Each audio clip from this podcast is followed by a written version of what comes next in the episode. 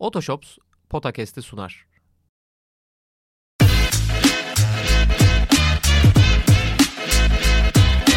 Potakest. Kaan Kural ve Orkun Çolakoğlu'yla NBA gündemine haftalık bir bakış.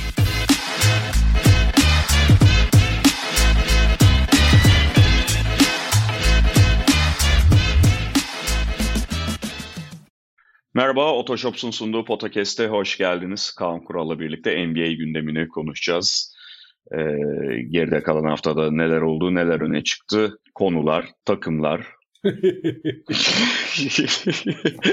Perde arkasında gizli hiçbir şey kalmayacak. Kulislerden yansıyanlar, transfer söylentileri. Senin ayağını kestiklerinden beri Lakers'dan hiç perde arkası şey vermiyorsun, bilgi vermiyorsun bize. Per, perde arkası mı kaldı? Perde mi kaldı ki arkası yani Lakers yani camın önünde soyunan adam gibi şu anda. bize Magic Johnson gibi böyle net yorumlar yap. Evet, yok abi ne biz zaten. Ben abi son bak son şeyimi e, bundan iki ya da üç program önce olması lazım podcast'te kendimce yine babalığımı yaptım. Dinleyip dinlememek onlara kalmış. Yani Turnik bu takıma dedin. yok yok o, o, o değil abi şey. Bence bu takımı Dejounte Murray'i alacağım falan diye hiç draft hakkı falan vermesinler. Ne Dejounte Murray'den çünkü bir şey olur. D'Angelo Russell'ın üzerine Murray getirmekle bir şey olur. Ne de şey Darwin Ham'le herhangi bir oyuncuyu getirdiğinde bir şey olacak. Bu takımı bir yerde zaten resetleyecekler bence ve şey eldeki asetten, eldeki draft hakkından olmanın bir alemi yok. Aha. Sen Lakers'a inanmıyorsun. Neyine inanacağım abi? Ha şunu söyleyeyim bak. Ben bunu daha önce de söyledim. Hatta play-in turnuvasının sonunda işte iyi oynayınca bir iki böyle Twitter'dan şey gelmişti. Ya dediğim gibi bence Lakers'ın şu anda yapacağı bir takasla durumu çok fazla kurtarma imkanı yok ve bu koçla Anladığım kadarıyla çünkü koçla soyunma odası e, bağları da epey zayıflamış durumda. Yalnız bence Lakers'ın Austin Reeves'i takas etmesi gerekiyor. Yani orada bana göre çok anlamlı olmayan bir takıntı var. Austin Reeves keeper ve takası yapacaksak D'Angelo Russell'la yapacağız şeklinde. NBA'deki en kötü savunmacı olabilir abi. Yani şöyle e, bir kere çok hedefleniyor. Niyetli evet. olsa bile fizik olarak falan tutabileceği şey yok ve yani kontratının iyi olduğu tamam ortada fakat kontrat da iyiyken işte bazı takımlarda ona ilgi duyuyorken yani o şey bir yanılgı abi o. Austin Reeves iyi, D'Angelo Russell kötü. Her haltın sorumlusu D'Angelo Russell Lakers'ta falan öyle bir şey yok abi. D'Angelo Russell Austin Reeves'ten daha iyi bile olabilir yani. En azından belli günlerde öyle. Yani e, takas edilebilecek olan, daha takas etmesi mümkün olan Austin Reeves'ken bence hiç adama böyle aa mutlaka tutulması lazım keeper gibi davranmanın yaklaşmanın alemi yok. Eğer bir takas yap, yapacaksa illa Lakers. Evet. Yani toplu üretebilen yegane oyuncu. Toplu üreten birileri lazım da. O ayrı teknik detay yani. Ya ben e, yanlış anlaşılmasın. D'Angelo Russell'a bayıldığımdan değil. D'Angelo Russell'la ilgili fikirlerim ortadadır da. Yani Austin Reeves öyle D'Angelo Russell'dan çok üst düzey bir oyuncu değil ama bir kez daha söyleyeyim yani. Bu işin merhemi DeJounte Murray değil. Doğru doğru.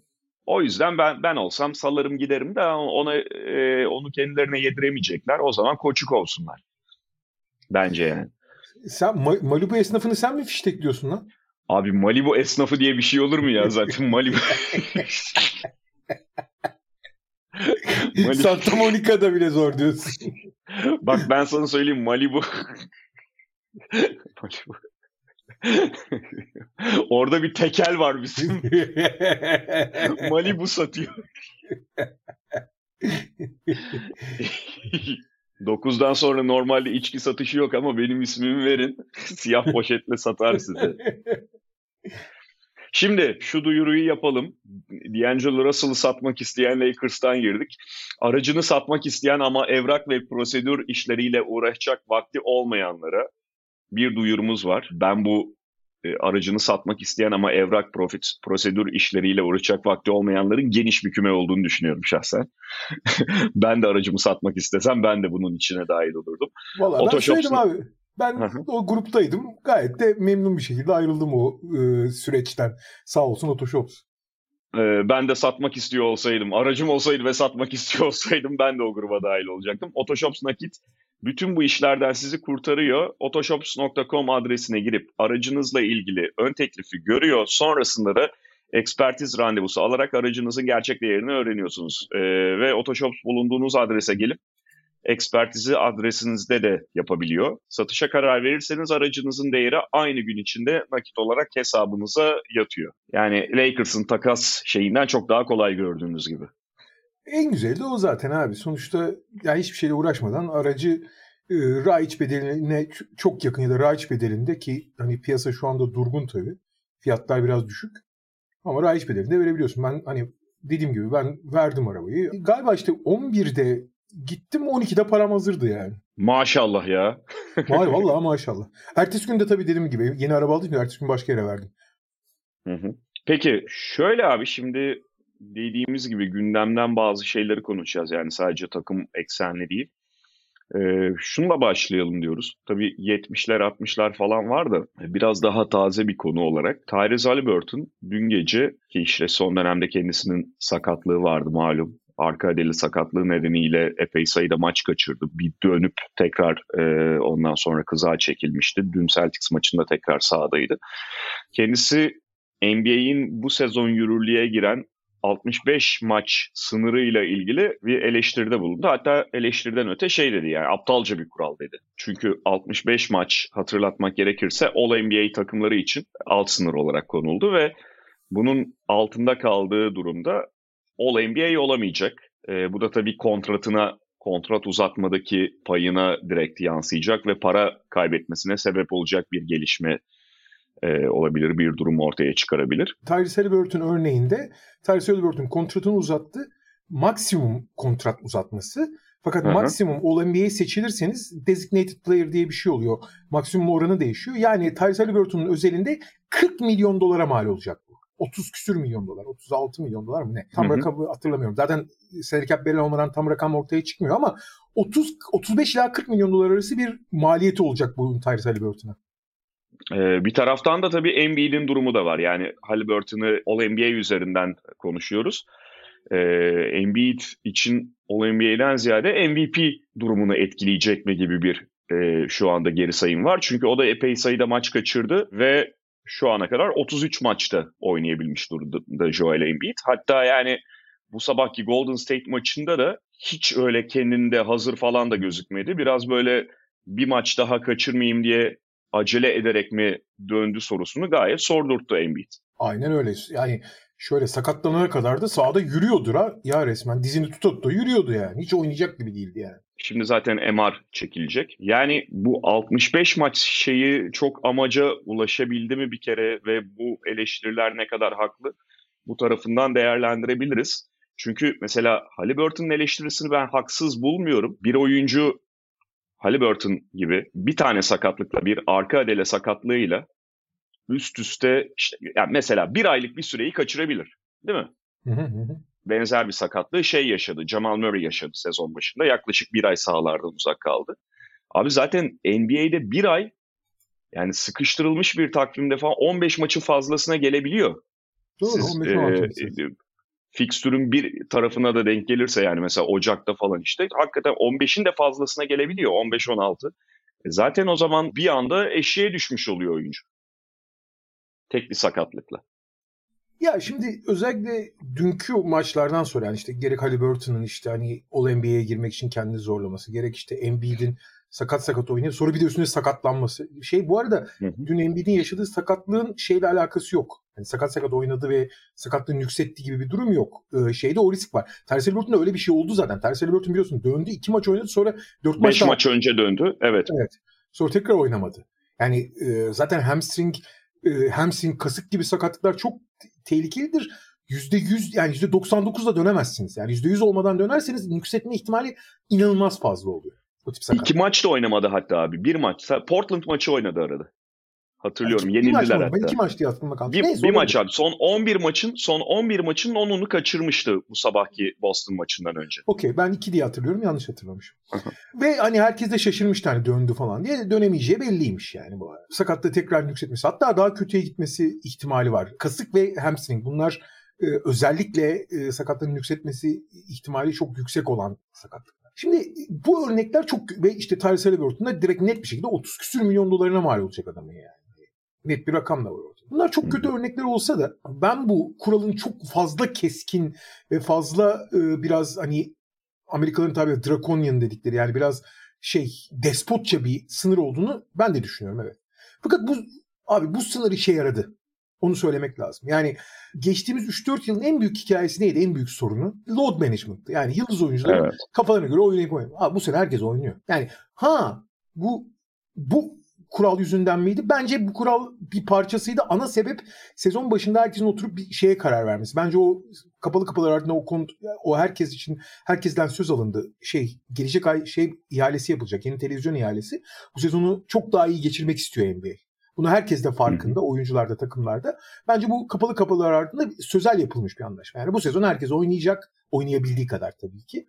Ee, sezonu çok güzel geçireceğiz ve çünkü abi milyar dolarlar el değiştirecek çünkü şeyde e, önümüzdeki iki ay içinde. Yeni televizyon sözleşmesinden dolayı. Bence asıl sebep o. Ama bunun da katkısı var. Load management ile ilgili. Özellikle zaten şey işte hani yıldız oyuncuları aynı anda dinlendirememe falan gibi konularla. Bu NBA'nin en büyük sorunuydu abi. En büyük soruna bir şekilde NBA bu büyük soruna bir müdahale etmeye çalışıyor. NBA, NBA'nin en sevdiğim tarafı o. NBA sorun hakemler hariç bu arada. Hakemlerin e, seviyesini yükseltmesi hariç. Sorun olan her şeye başarılı veya başarısız başarı ölçeğini de değerlendirebilirsiniz. Ona bir şey demiyorum.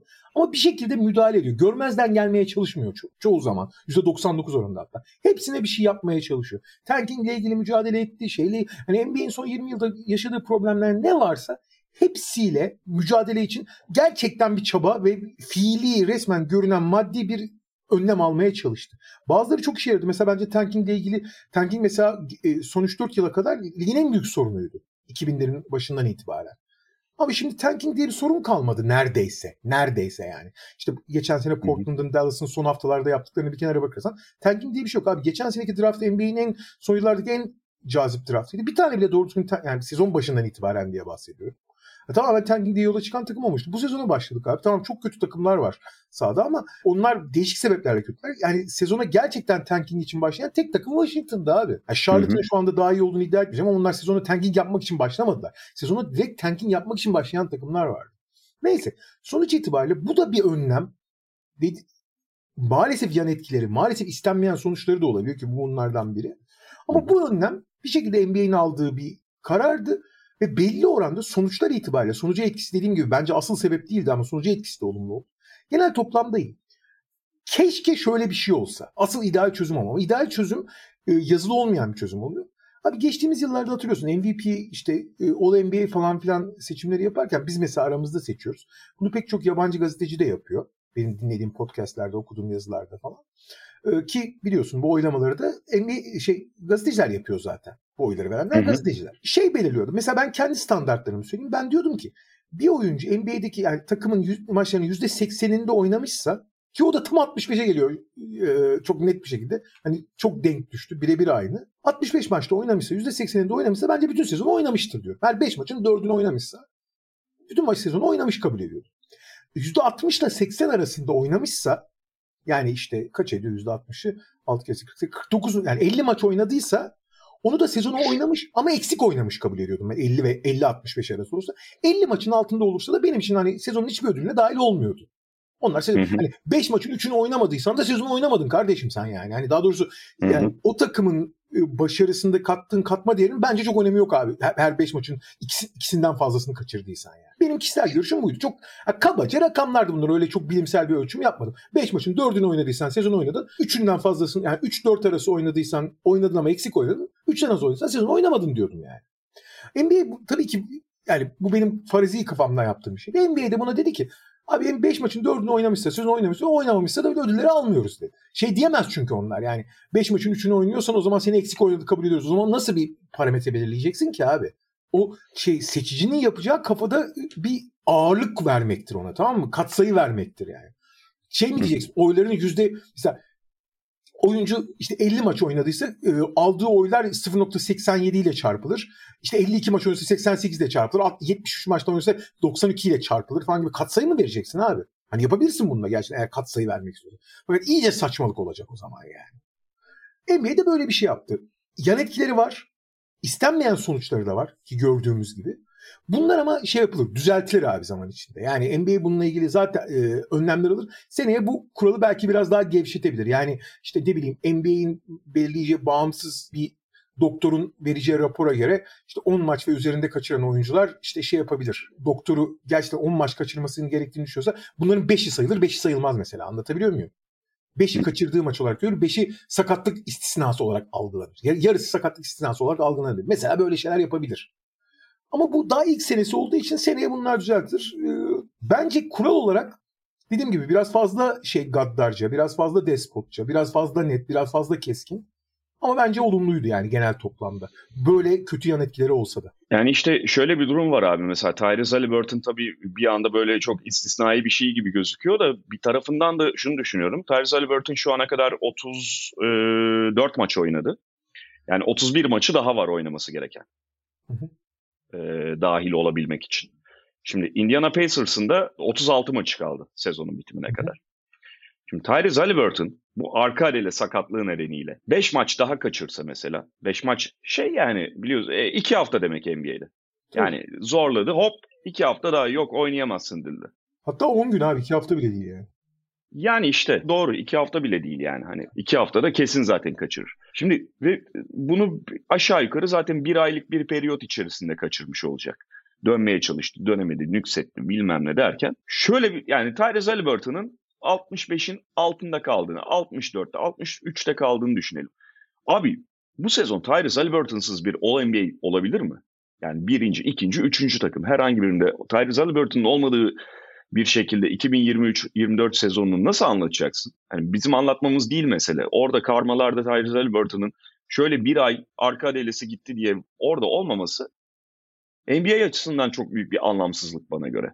Evet yani önlemeye çalıştıkları bir şeyin e, bir komplikasyonu olarak geliyor şey e, bir getirdikleri bir önlemin komplikasyonu oluyor ama işte bunu öngörebilmek gerekiyor. Yani load management'ı engellemek istiyorsun. O zaman böyle mesela kesik kesik maç kaçırmalara yönelik direkt olarak bir önlem getirmeleri gerekiyor. Yani arka adele atar ayak bileği burkulur. Hop 3 haftası gider oyuncunun. Bu ne yapsın yani? Bu load management olmadığı belli. Adam kendi idmanını bile yapamayacak belki o sakatlık periyodunda. Bunların bunun önleminin getirilmesi lazımdı. Ama işte bu biraz da şeyden yani e, o önlemi alalım bu bunun sezon başına da konuştuk. Yani önlem geliştirmeye çalışıyorsun ama esas problem zaten artık gizlenemeyen bir şey olarak odadaki fil olarak maç sayısının fazlalığı. Doğru. Ve takvimin bu kadar kısa bir periyoda sığdırılmaya çalışılan bu kadar fazla sayıda maç. Yani kaldırmıyor bunu artık. Kaldırmıyor. O yüzden de o önlemi getireceksin. 65 oynayacaksınız, şu kadar oynayacaksınız falan ama bunlar beraberinde gelecek maalesef. Yani biraz denk geldi tabii. Hem Embiid'in durumu, Embiid'le ilgili artık e, şu kadar kaldı, şu kadar kaldı, şu kadar daha fazla maç kaçırabilir gibisinden konuşulması hem de e, Halliburton'un bu konudaki isyanıyla birlikte gündem olduğu için biraz konuşalım dedik. Denk geldi yani. Bir de tabii gündemin başka bir konusu da geçen hafta yine üstelik aynı gün Hatta seninle birlikte yayındaydık. Çok farklı bir maçta yayındaydık biz ama 70 barajının geçilmesi aynı gün bir de 60 e, barajının geçilmesi. Biz de o sırada Houston Charlotte maçını geçirmeye çalışıyorduk. Ee, bir de bir hafta içinde oldu. Yani bir hafta içinde aynı evet. gün 70 e, ve 60 atıldı. Yani bir oyuncu 70 atarken bir oyuncu 60 attı aynı gün içinde. Önce geçtiğimiz pazartesi Embiid 70, Carl Anthony Towns 60 attı. Bir hafta içinde derken 7 günlük periyot içerisinde evet, oldu evet, aslında. Evet. Ee, Pazar, Pazar Cuma oldu şeyde e, bu iki olay.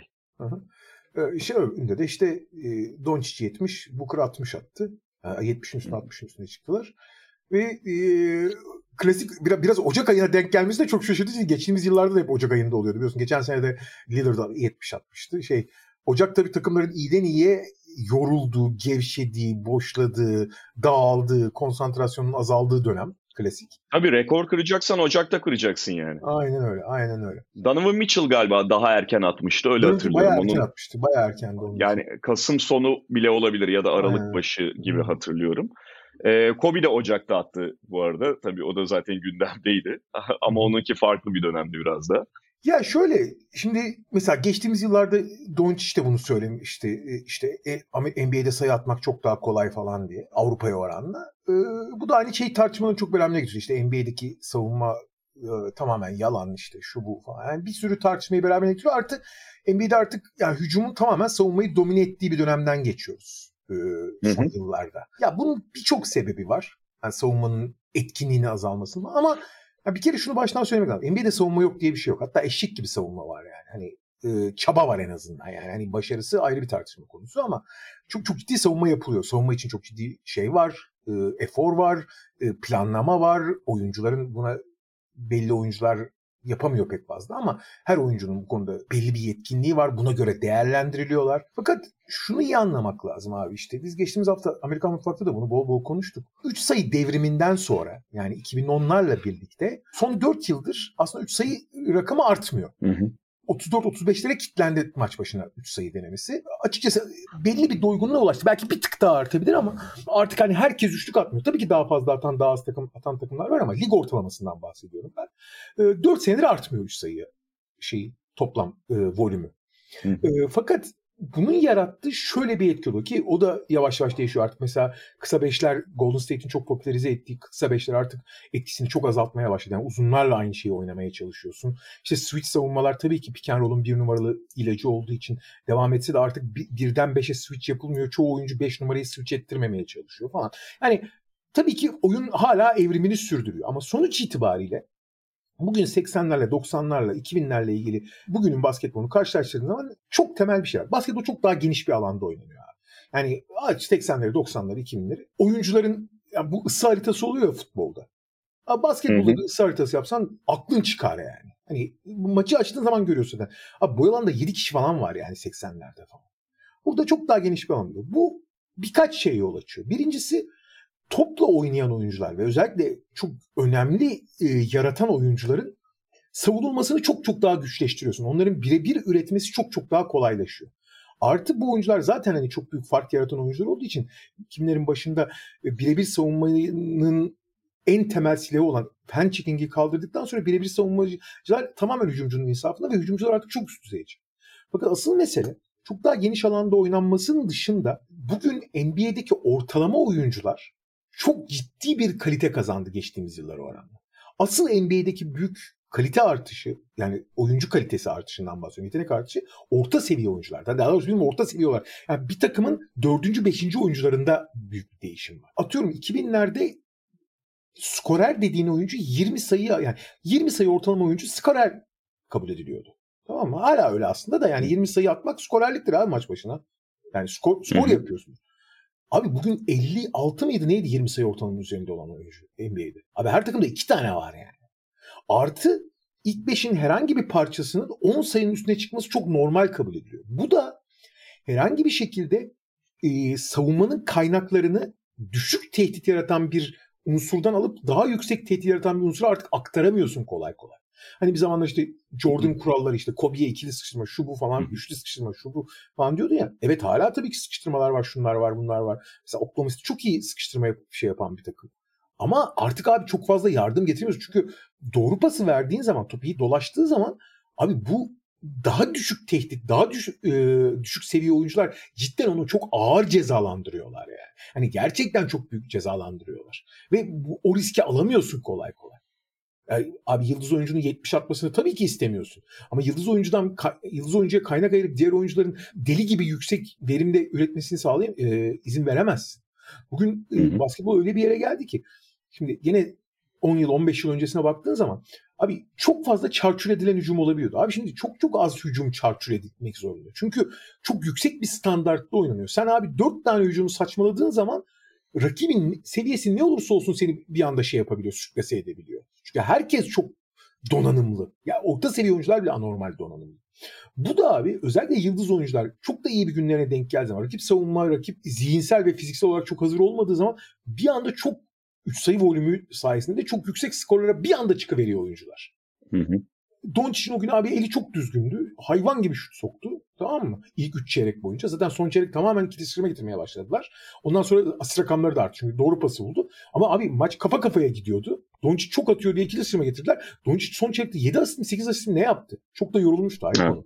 Yorulmuştu da yani. Hani çok da fiziksel olarak da zorlamak istemedi ama abi patır patır atıyor abi adamlar. Yani hakikaten engel olamıyorsun kolay kolay eğer kaynak verirsin. Ama geri dönüp aynı son olarak şeyi söyleyeceğim. Bu savunmaların hani kifayetsizliği konusuna gelirsek Abi savunmalar şu açıdan bir kere şunu söylemek lazım. Hani savunmanın işi çok zorlaştırıldı evet handchecking kalktıktan sonra. Bence NBA yakın zamanda handchecking'i geri getirmeli. Bu birebir savunmaya Hı-hı. biraz abi birebir savunmaya biraz şey ver, silah vereceksin yani. Herifi çok çok zor durumda bıraktı. Evet hücum izlemek ortalama seyirci için çok daha keyif verici.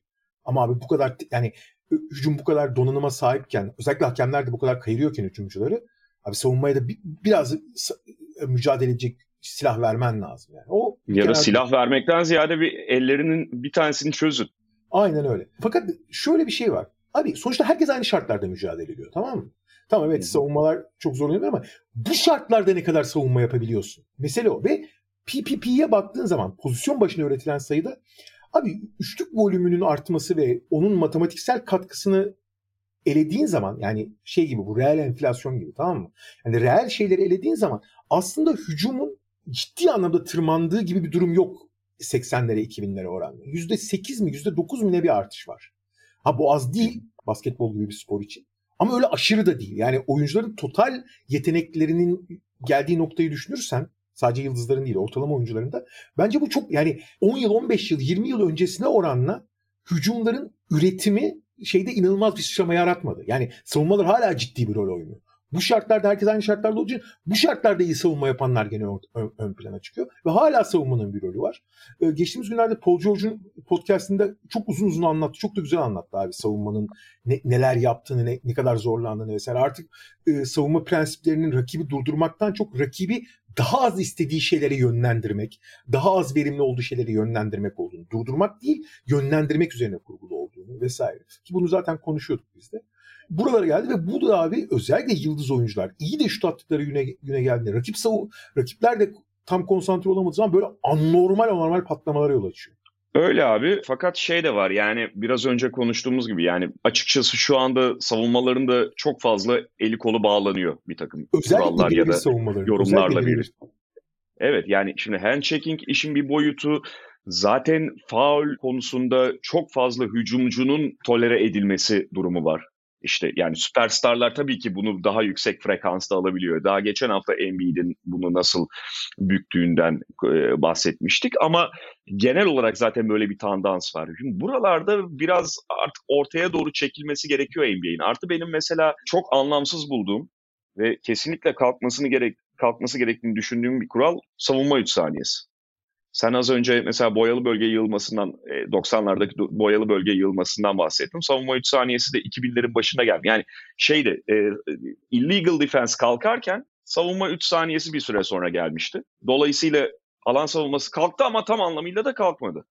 Çünkü sen oraya bir tane ortadaki şeyi bıraktığında, orada folklor oynattığında şeylere, e, oyunculara bir içeri giriyor, bir dışarı giriyor, ayağını basıyor, tekrar şey yapıyor falan. E, aslında tam olarak da serbest bırakmış olmuyorsun. Bence onu da bırakma şey yap e, kaldırmaları gerekiyor.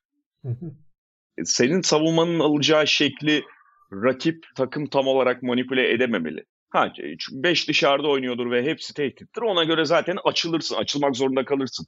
O ayrı bir konu ama yani boyalı bölgeye basmayacağım ya da basacağım, çıkacağım bilmem ne falan gibisinden savunma yerleşimini zorlaştırmanın alemi yok bence. Ve tabii ki yani Paul George'un falan söylediği ya da başka oyuncuların tabii ki savunma prensipleri var. Tabii ki buna yönelik çalışma yapıyorlar ama birebir savunma falan çok zor olduğu için e, mesela Doncic'in ben o 73 sayı maçında maçı baştan sona izledim. Şimdi e, bir prensibi var Atlanta'nın e, maç sonundaki tabloyu başından itibaren başından itibaren tabii ki ortaya çıkarmak istemiyorlar. Çünkü Doncic'e ikili sıkıştırmayı getirdiğin anda ondan sonra seni dörde üç bırakacak. Oradan oyacaklar evet. Ama yani şeyi uygulama konusunda da ulan birebir savunacağız belli bir noktaya kadar oradan sonra nereden yardım getireceğiz falan o kadar eksikler ve o kadar dirençsizler ki Doncic de ha dedi yakaladı. Senin de az önce bahsettiğin gibi doğru rakibi doğru zamanda yakalamayla da çok alakalı, bağlantılı bir şey bu. Ondan sonra ameliyat etti zaten bütün maçı. Yani bu kadar şeyi zorlaştırdığınızda, birebir savunmayı zorlaştırdığınızda ondan sonra bir önceki hafta Embiid'in bu hafta işte e, Doncic'in olduğu gibi durumlar şöyle ortaya çıkıyor. Bunları zaten yeteneklerini konuşmaya gerek yok ama Embiid'e karşı mesela aman dokunmayayım, aman dokunmayayım 15 tane aynı orta mesafeden attırdılar. Aynı noktada aynı orta mesafe. Yani e, biraz daha içine girmeye korkuyor sav- rakip savunmacı. Zaten kısa kalıyor. E, Doncic'i işte şey belli şeyleri belki çalışmışlar ama o kadar dirensiz ki Atlanta. Zaten hani sezon genelindeki görüntüleri de ortada.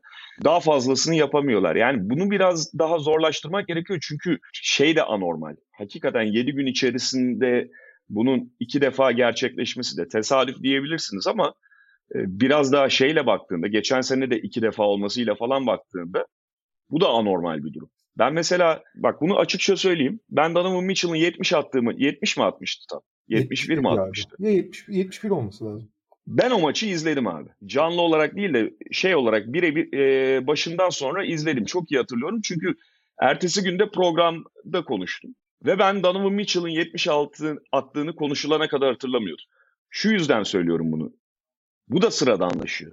Tabii. Yani tabii, tabii. hani şey muhabbeti var ya işte 60 artık yeni 40, 70 de yeni 50 mi falan. Bu hakikaten bu- buna döndü. Şimdi e, ellerine şey kağıda 70-73 yazıp fotoğraf çektiriyorlar biraz işin esprisi de olsun diye de yakında o bile yapılmayacak. Yani bu kadar sıradanlaştırmamak lazım. Doğru. Ya da işte bu kadar sıradanlaşıyorsa karşı önlemini almalı mıyız? Bu şeye benziyor biraz abi. Hani oyunu açarsın FIFA falan oynarken başta bir böyle belli bir zorlukta oynarsın. Sonra bir noktadan sonra fazla kolay gelmeye başlar ya değiştirirsin. Yani şey beginner seviyesinde kaldı bu oyuncular için oyun. Bu arada yeri gelmişken şeyi de söyleyeyim. Onları da çıkarmıştım ben. Ee, 2023-2024 sezonu tarihin en yüksek yüzdeyle serbest atışına at- atılan sezonu. Lig genel serbest atış yüzdesi %78,5'a kadar çıktı. Gerçekten inanılmaz bir seviye bu. Ee, hı. bu total olarak aslında şut yeteneğinin de ne kadar hani gıdım gıdım da olsa ilerlediğini gösteriyor. İkincisi Hı hı. şey çok ilginç abi. Anormal tempolu oynanmıyor. 60'lar falan daha tempolu belki ama son 30 yılın en tempolu sezonlarındayız. En yüksek tempoyla oynanan sezonlarındayız. Artık yarı sahada çok daha tempolu oynuyor takımlar eski oranla. Daha genç anlamda. Abi tarihin en düşük top kaybı oranıyla oynanıyor aynı zamanda. Hı hı. Yani bunu da tabii hani sıkıştırmalı savunmaların falan eksikliğiyle biraz açıklayabilirsin. Artık yani topa daha fazla iki sıkıştırma daha az geliyor. Yani rakibi top kaybına daha az zorluyor takımlar. Evet doğru. Evet o kesin. Ama aynı zamanda şey de var. Takımlar daha yüksek tempo özellikle transi bugün abi basketbolda en çok fark yaratan iki unsur bir 3 sayı volümü ve işte fre- frekansı onun varyansı çok yüksek oluyor maalesef. Tabii ki çok kaliteli şütörlerle kaliteli atışlar yapmak daha yüksek verim sağlıyor ama 3 sayı çok inip çıkabilen bir şey. Ee, şeyden bağımsız. Ne derler? Şutun kalitesi ve şütörün kalitesinden önemli ama tek faktör o olmuyor doğal olarak. Hı hı. Serbest atış gibi değil bu yani. Ama diğeri de transition abi. Takımlar artık hani geleneksel olarak hiçbir zaman transition kovalamayan takımlar bile artık transition kovalıyor. Boston Celtics, Dallas Mavericks gibi hiç transition kovalamayan takımlar bile kovalıyor. Çünkü en büyük farkı transition'da yaratıyorsun abi. Yani savunma yerleşmeden geçiş hücumunda çok çok daha tehlikeli oluyorsun. Gene bak gene savunmaya geliyoruz. Çünkü savunma Hı hı. oturduğu zaman hala e, açık sahada oynamak daha verimli, daha etkili yani bir tık daha etkili ve fark, katma değeri oradan yakalıyorsun. Buna rağmen yani transition kovalanmasına rağmen ki bu top kaybını çok tetikleyen bir şeydir. Tarihin en düşük top kaybı oranıyla oynanıyor abi basketbol. İnanılır gibi değil. %11,5'lara falan geriledi top kaybı oranı. Yani oyuncuların giderek çok daha yetenekli hale geldikleri tartışılmaz bir konu.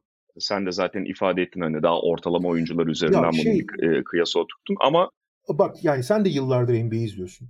Hı. Abi ben işte mesela 90'ların Chicago'ları işte ne bileyim 2000'li yıllardaki işte Detroit'ler o efsane Lakers'ı falan düşünüyorsun. Abi takımların şu andaki yani ortalama bir takımın dördüncü, beşinci oyuncusunun ben ne kadar donanımlı olduğuna bazen inanamıyorum yani. Hakikaten inanamıyorum. Hı hı. Kesinlikle yani bu yetenek seviyesi arttı. Bundan sonra NBA'in bence yani bunu yapmaya ne kadar niyetli olacakları konusunda emin değilim ama bu hücumları daha zor bir test karşısında daha fazla takdir edebilir herkes ve Bence bunu ortaya çıkarmak gerekiyor. Ee, Ben NBA'in bu konuda çok niyetli olacağını pek düşünmüyorum. Çünkü abi e, sonuçta abi tamam mı? Hani bu bas NBA için geçerli. Pek çok, spor için geçerli. Ee, Genel olarak abi bir çekirdek kitlesi vardır tamam mı? Bir Hı hı. temaşanın. Sinema, tiyatro her şey olabilir. %25 falandır o diye. Kabaca konuşuyorum tamamen. Yani bilimsel bir araştırmanın sonucu değil bunlar. Yani NBA'in abi işte dünya çapında kaç? 100, 500 milyon kişi mi izliyor? Ya da dö- işte 400 milyon kişi izliyor diye. Abi 100 milyonu hakikaten meraklı. Senin benim gibi tamam mı? Yani her tür izliyor. Çok detaylı falan. Fakat abi çok önemli bir çoğunluk keyif için ara ara izliyor. Bazen düzenli izlese bile o kadar dikkat de etmiyor. O kadar eğilmiyordu üzerine ve bir şekilde eğlenmek için izliyor. Ve abi bu çoğunluğa hizmet etmek zorunda kalıyorsun. Ve bunlar abi doğal olarak hücumu, yaratıcılığı, şeyi falan daha çok takdir ediyorlar demeyeyim ama onu daha keyif alıyorlar. Daha merak ediyorlar. Ha senin söylediğin şey çok önemli bu arada. Bunun normalleşmesi, sıradanlaşması, basitleşmesi bu etkiyi çok düşüren bir unsur. Çok daha çekişmeli olsa bu daha az olsa daha değerli olur. Bu gene maç sayısıyla da aynı şey bu arada geçerli. Maç sayısıyla da e, aynı durum bence geçerli. E, o yüzden NBA bu konuda biraz ayak sürecektir. Ama bir mutlaka ve mutlaka savunmanın hani senin de söylediğin gibi en azından ellerinin çözülmesi lazım abi. Yani savunmaya mücadele edecek bir alan bırakmak lazım yani. Evet. Peki Knicks'le devam edelim istersen. Hı hı. 8 maçı üst üste kazandılar ve üstelik yani son dönemde tamam çok son dönemde bahsediyoruz ama OG Anunoby işte Julius Randle bunların sakatlıkları da varken kazanmaya devam ediyorlar.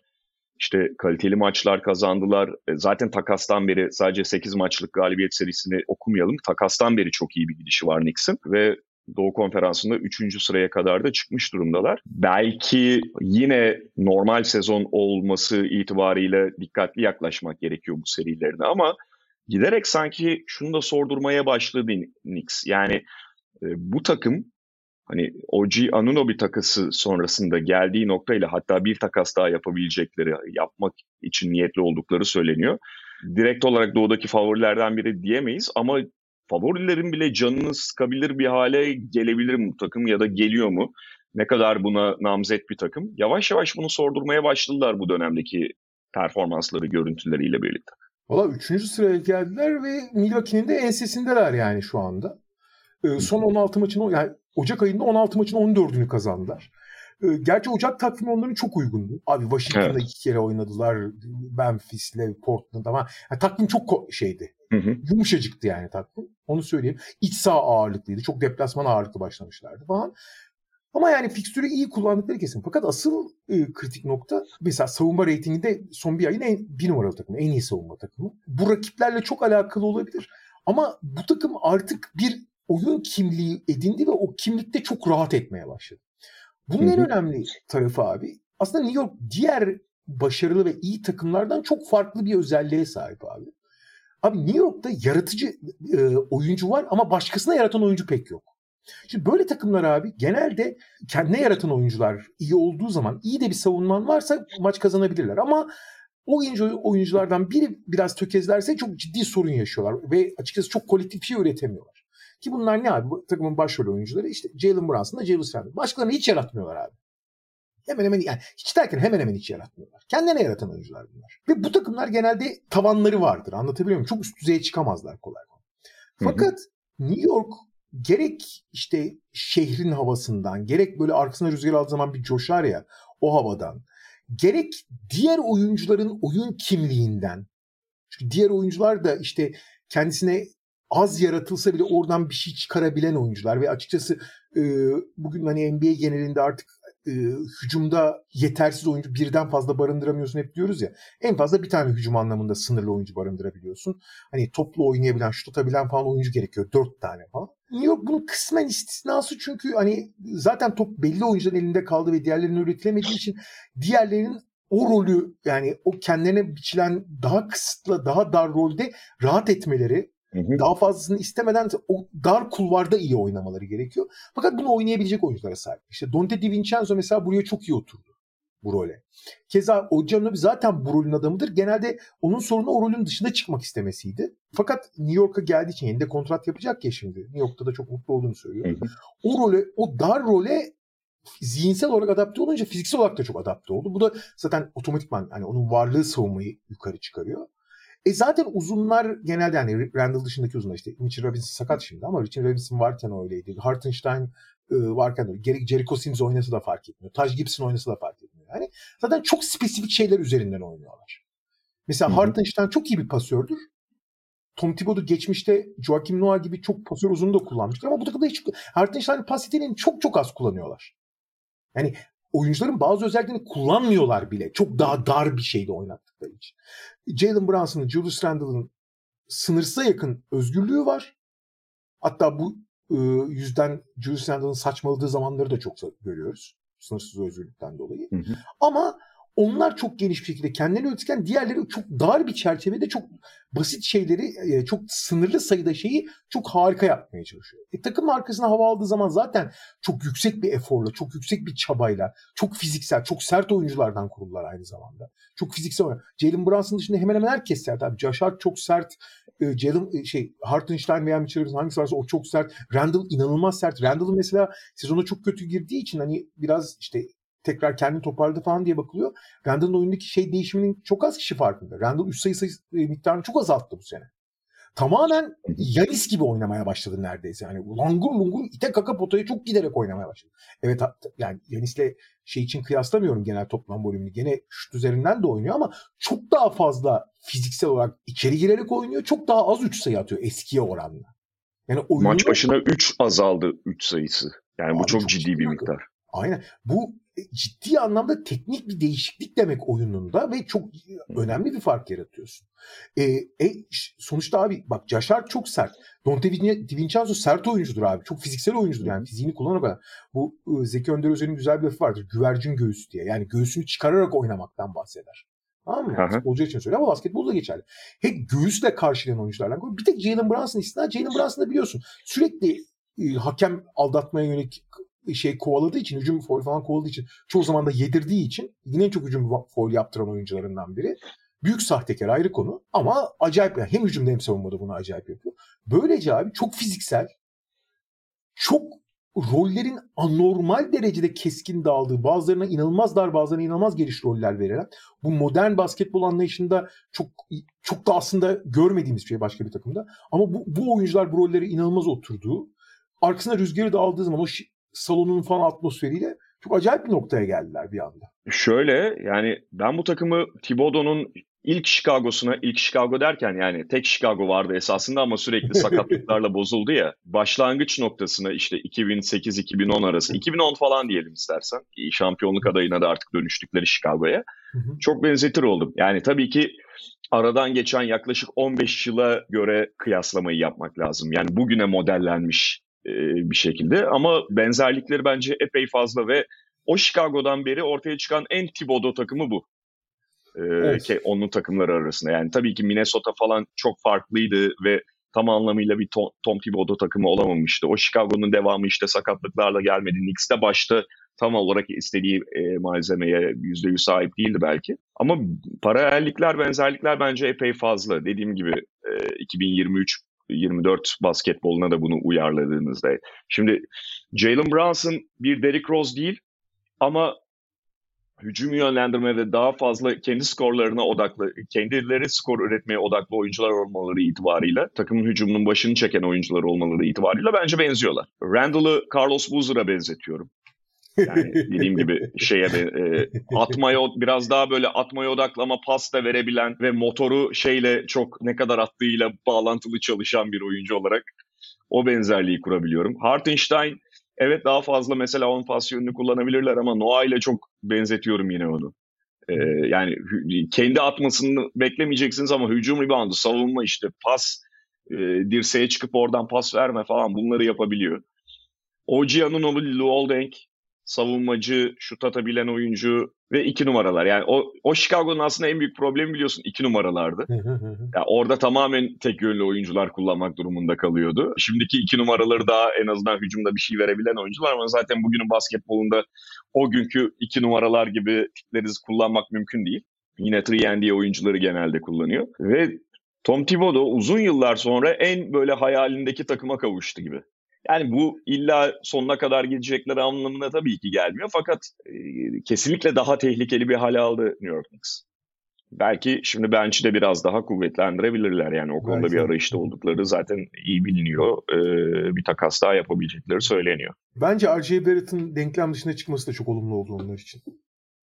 Kesin, yani kesin. E, Jalen Brunson'la Julius Randle'la R.J. Barrett birbiri yani çok benzer oyuncular. Yani kendi yaratan başkasına yaratamıyor ama R.J. Barrett en verimsiziydi bunların. Onun çıkması diğerlerinin şansın oldu. Tabii Randall'ın sakatlığı tabii çok ciddi bir darbe. Yani üreten. Evet. Ama onu da bir şekilde şimdi DiVincenzo'lar falan filan kapatıyor gibi gözüküyor ama şimdi bu takvim değiştikten sonra önümüzdeki haftalarda Randall'sız işin hücum tarafını ne yapacaklar onu göreceğiz. Orada zorlanacakları da kesin ama yani. Peki son olarak da Batı konferansındaki ilk dördü biraz konuşalım istersen. Bence onu takım istersen takımdan... haftaya bırakalım da Miami'nin durumunu bir konuşalım azıcık. Ha pardon Miami'yi unuttum doğru Miami'yi unuttum. Evet Batı e, ilk dördünü gelecek haftaya bırakalım. Miami üst üste 7 yenilgi aldı. Ve sıradan 7 yenilgi değil abi. Evet yani arada çok böyle farklı bir sürü yenilgi var. Üstelik Terry Rozier takasını yaptılar arada işte hani bunun onlara iyi gelebileceği biz de konuştuk zaten beklentisi varken hiç o da ilaç olmamış gibi en azından şu aşamaya kadar ve